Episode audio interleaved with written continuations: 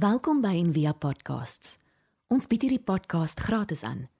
Om 'n bydrae te maak, besoek gerus ons webblad en via.org.za vir meer inligting. Jou hart klop nie net in ritme nie, maar hy sing ook. En as jy mooi luister, dan gaan jy hoor sing. En dit is baie keer nie omdat jy probeer luister nie, want ek dink ons word gesing op 'n manier. Dit dit kom net.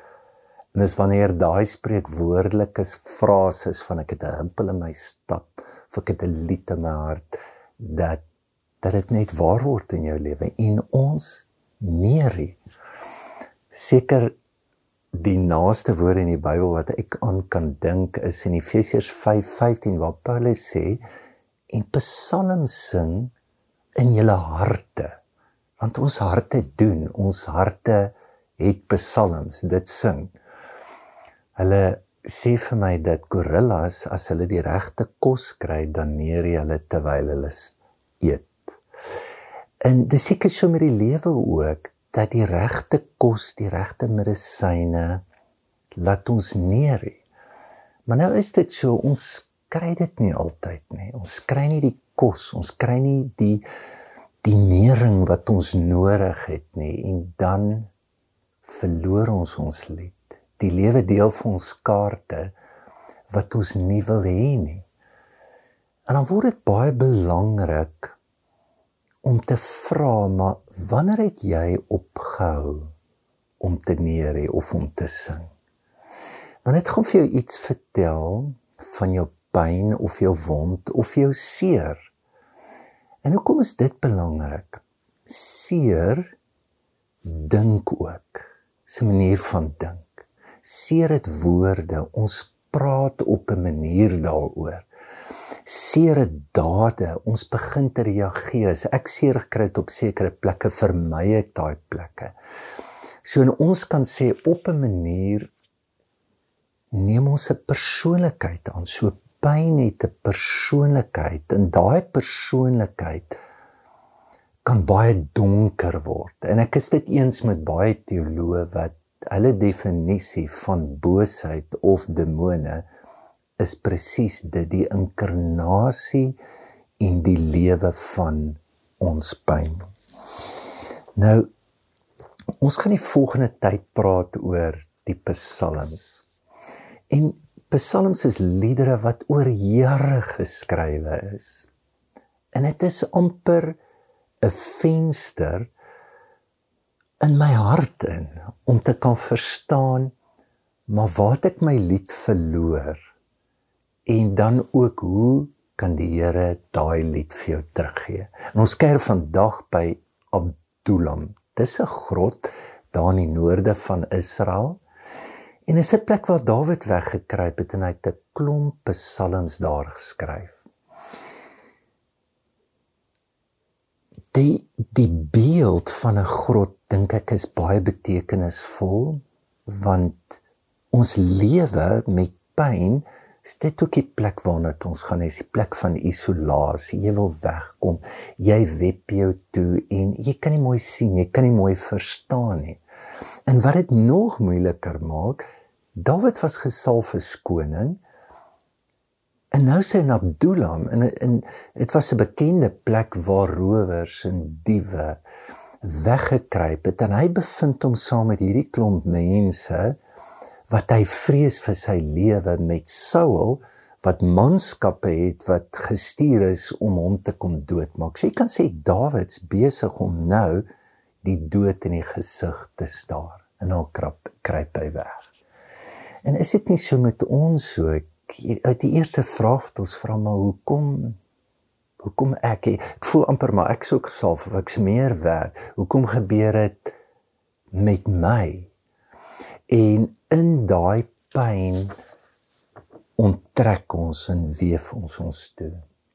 Nou Plato het uh, het 'n stuk geskryf wat seker een van sy bekendste stukke was want in die wysheidsliteratuur word die metafoor van 'n grot baie keer gebruik om ons lewe mee te beskryf en hulle sal sê hoorie jou lewe is maar eintlik in 'n grot jy dink jy's in die lig Maar al wat jy sien is maar net skaduwees. Nou dit was die allegorie van die grot genoem wat hy geskryf het. Hier is so 'n klein voorstellingkie daarvan. So hy sê alle mense is maar eintlik gevangenes en ons sit hier onder en ons vas aan kettinge en hoe kyk ons na die wêreld? Ons sien skaduwees, geen realiteit. En ons daar 'n klein groepie mense wat dalk nie vasgebind is, maar hulle sien presies dieselfde.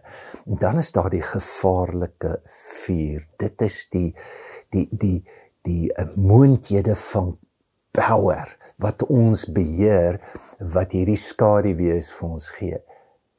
En eintlik om die reis van kennis behoorlik te doen dat jy by die waarheid kan kom, want dit was sy hele uh verstaan gewees, moet jy eintlik is is is daar 'n hele pad, is daar 'n hele reis wat jy moet loop dat jy tot die waarheid kan kom. Dis mens dink aan Dawid Hy het 'n klomp psalms daar geskryf en 'n klomp is eintlik geskryf wat hy die onderkant van die grot beskryf, die skadu wees. Maar dan is daar een psalm wat ons nou vandag oor praat wat glad nie daarin pas nie, want hierdie psalm beskryf die bokant. En dit is Psalm 23. Nou ek wil miskien net drie dinge sê oor die psalm wat ons dalk 'n aanduiding kan gee van hoe die Here ons nader aan 'n psalm kan bring van hoop wat daar in ons harte is. So Dawid in die eerste plek herken wat is. En ek dink dis belangrik want dis wat hoop doen. So hy skryf byvoorbeeld een van die Psalm Psalm 42 vers 3 sê hy my trane is my spys dag en nag en omdat hulle die hele dag vir my sê waar is jou God? Mense sê waar vir, vir my waar is jou God? Ek, ek kan net die pyn voel. Dinge werk nie uit nie en dan sit hy nog met hierdie klomp mense in die grot en hulle sê vir hom toe Toe jy jy het mos al daai mooi goed geskryf nê. Nee. Jy het mos daai mooi liedjies skryf waar jy voor die ark ook dans en nee sê maar so waar's jou God? Jy sê jy's gesalf as koning. So waar is jou God? En as jy die res van die psalms lees, dan maak dit jou eintlik ongemaklik. Kan kan 'n mens hierdie goed noem? Dis baie keer die diepste vertwyfelinge was die einste Dawid wat ook Psalm 22 geskryf het wat hy sê het my God my God hoekom het jy my gelos? Is Dawid dan nou 'n ateïs? Kyk dis wat gebed is. Gebed is nie ons wenslysie. En as ons daai wenslysie reg kan werk of reg kan bid werk dit amper soos 'n lampie wat jy vryf en jy kry weet jy. Kyk dit is dis magics nie gebed nie. Dis magie. Gebed in diepste is om so naby aan jou lewe te kom dat jy die realiteit van jou lewe kan verwoord. God is nie daar in gebed se doel is nie om my eintlik oneerlik te maak dat ek goed kan wegsteek in God terwyl ek goed sê vir hom wat ek dink hy van hou nie. Dis die verwoording van wat is. En dis hoekom die psalms hierdie gawe vir ons gee. Beskryf die realiteit maar ook die waarheid. Ja, die realiteit is Dawid sal voel God het hom gelos. Die waarheid is hy het nie. So kom maar Psalm 23 is. In die tweede plek wat jy agterkom, daar's 'n diep erkenning van wat sal wees. En dis wat hoop is. Hoop sit nie net onder in die grot en kyk nie. Maar hoop sien werklik wat dit is om vry te wees en om buite te wees. So in hierdie gedeelte sê die Here is my herder. So die woord vir Here is interessant want daar's 'n paar woorde vir God in Hebreëus, maar gebruik Jahwe En Jahwe, ja, die A kan jy hoor in die E is klinkers, maar Jode het nie die klinkers gebruik wanneer hulle Jahwe skryf want hulle was so bang hulle maak 'n fout want baie keer is van die klinkers net 'n kolletjie. En as jy dit verkeerd skryf, dan verander die woord en en jy jy wil dit nie met God se naam doen so dit uitgelos en wat dan beteken is die a en die e wegval, is dit amper net 'n asemklank, 'n nasale klank. Ja. Dis amper inasem en uitasem. En ek dink dis hoekom Dawid sê, "True to your word," die een vertaling vers 3, "You let me catch my breath and send me in the right direction." Want ons het pad uit. En God ken daai pad uit en hy vat jou daar uit. En Dawid weet dit. So die grot het hom gestop. En en dis waar ons vernuwe word. Nie omdat ons aangaan, is nie omdat ons planne maak, is omdat ons lank genoeg op een plek kan wees, die paradokse, die spanning vashou om nie te verstaan en nie te weet. Want ongelukkig al wat die ego wil hê is om te beheer en daarom moet hy weet. En hou Dawid weet dat God weet en hy moet dit oorgee. Kyk, dis hoekom geloof so groot woord is. Dis waar geloof inskop. En dit is waar daar 'n nuwe kalibrering van selfs my liggaamsselle. Ek kry my asem terug.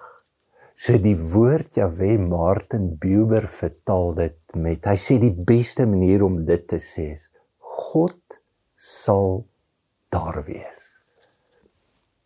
in die toekoms. En dan net die laaste ding ek sluit af. Dit is die erkenning van wie by jou is. En ek dink dit verander alles. So hoop is nie 'n rasionele uitwerk van sekerhede wat ek ontvang nie. Dit is die ervaring, dis die inwerk nie van die rasionele maar van die relasionele God wat na jou lewe toe. Dis nie omdat hy iets verstaan het nie. Bitter min het verander. Dis nie 'n kop ding nie. Is meer in Jesus oor Johannes 10 vers 3. He calls his own sheep by name and leads them out. Wat hoe voel jy as iemand jou naam noem? Dis naby nê. Dis persoonlik. So op 'n manier is daar die diepste diepste ontmoeting. So vandag is vir ons moeilik om om dit te verstaan, maar is die geboorte van hoop uh, die Here is my herder. Ek onthou ek het groot geword by my oupa hulle. As die skape gehaal was dan het hy agtergeloop, hy het 'n lang sweep gehad en daar was altyd skaaphonde, jy dryf hulle. En ons dink baie keer ons lewe het dit nodig. Ons dink baie keer God is so en daar sekerre goed ons moet dit werk en maar in die ooste loop die herder voor en die skape volg net. En ek dink in die woorde wat die Hebreërs skrywer sê, die oog gefestig op Jesus, die leidsman, dat op 'n manier sien Dawid hierdie herder. En dit verander alles in sy lewe. Hy is in die grot. Dis nie hy begin sing omdat hy uit die grot is nie. Dis die verskil. Want baie keer kan jy uit die grot wees, maar die grot is nog in jou en niks het verander nie. Jy sal weet dat jy werklik vry is al het niks verander in jou lewe. Maar jy die vryheid, jy die hemelrein geproe. So hier's Henry Nouwen se definisie van vryheid. Hoop is 'n vertroue dat God sy beloftes sal vervul wat ons lei na ware vryheid. Mag jy dit ervaar. En as jy opgehou sing dit, wil jy nie net dit wat daar is verwoord in die diepste gebed. En jy wil wil jy nie lank genoeg daar bly dat jy die God sal sien wat al buite wag. En dat hy vir jou die neerie sal bring van die lied wat jy vandag nodig het. Kom ons bid saam. Here, dankie vir Psalm 23 in ons lewe. Amen. Baie dankie dat jy vandag saam gekuier het. Mag die dag vir jou ongelooflik mooi wees. Dankie ook vir julle ondersteuning aan Envia. Ehm um, daar verskyn nou 'n SnapScan kode as jy ons wil ondersteun, as jy baie welkom en al die details ook op ons web. Ek wil jou seën vir oggend met hierdie volgende woorde deur Christine Law Webber en sy noem dit wisdom speaks en dit sê iets meer van hierdie hierdie grot waarin ons nie net genooi word om in te gaan nie maar ook wat ons soms moet wees moet word Some of you I will hollow out I will make you a cave I will carve you so deep the stars will shine in your darkness. You will be a bowl. You will be the cup in the rock, collecting rain.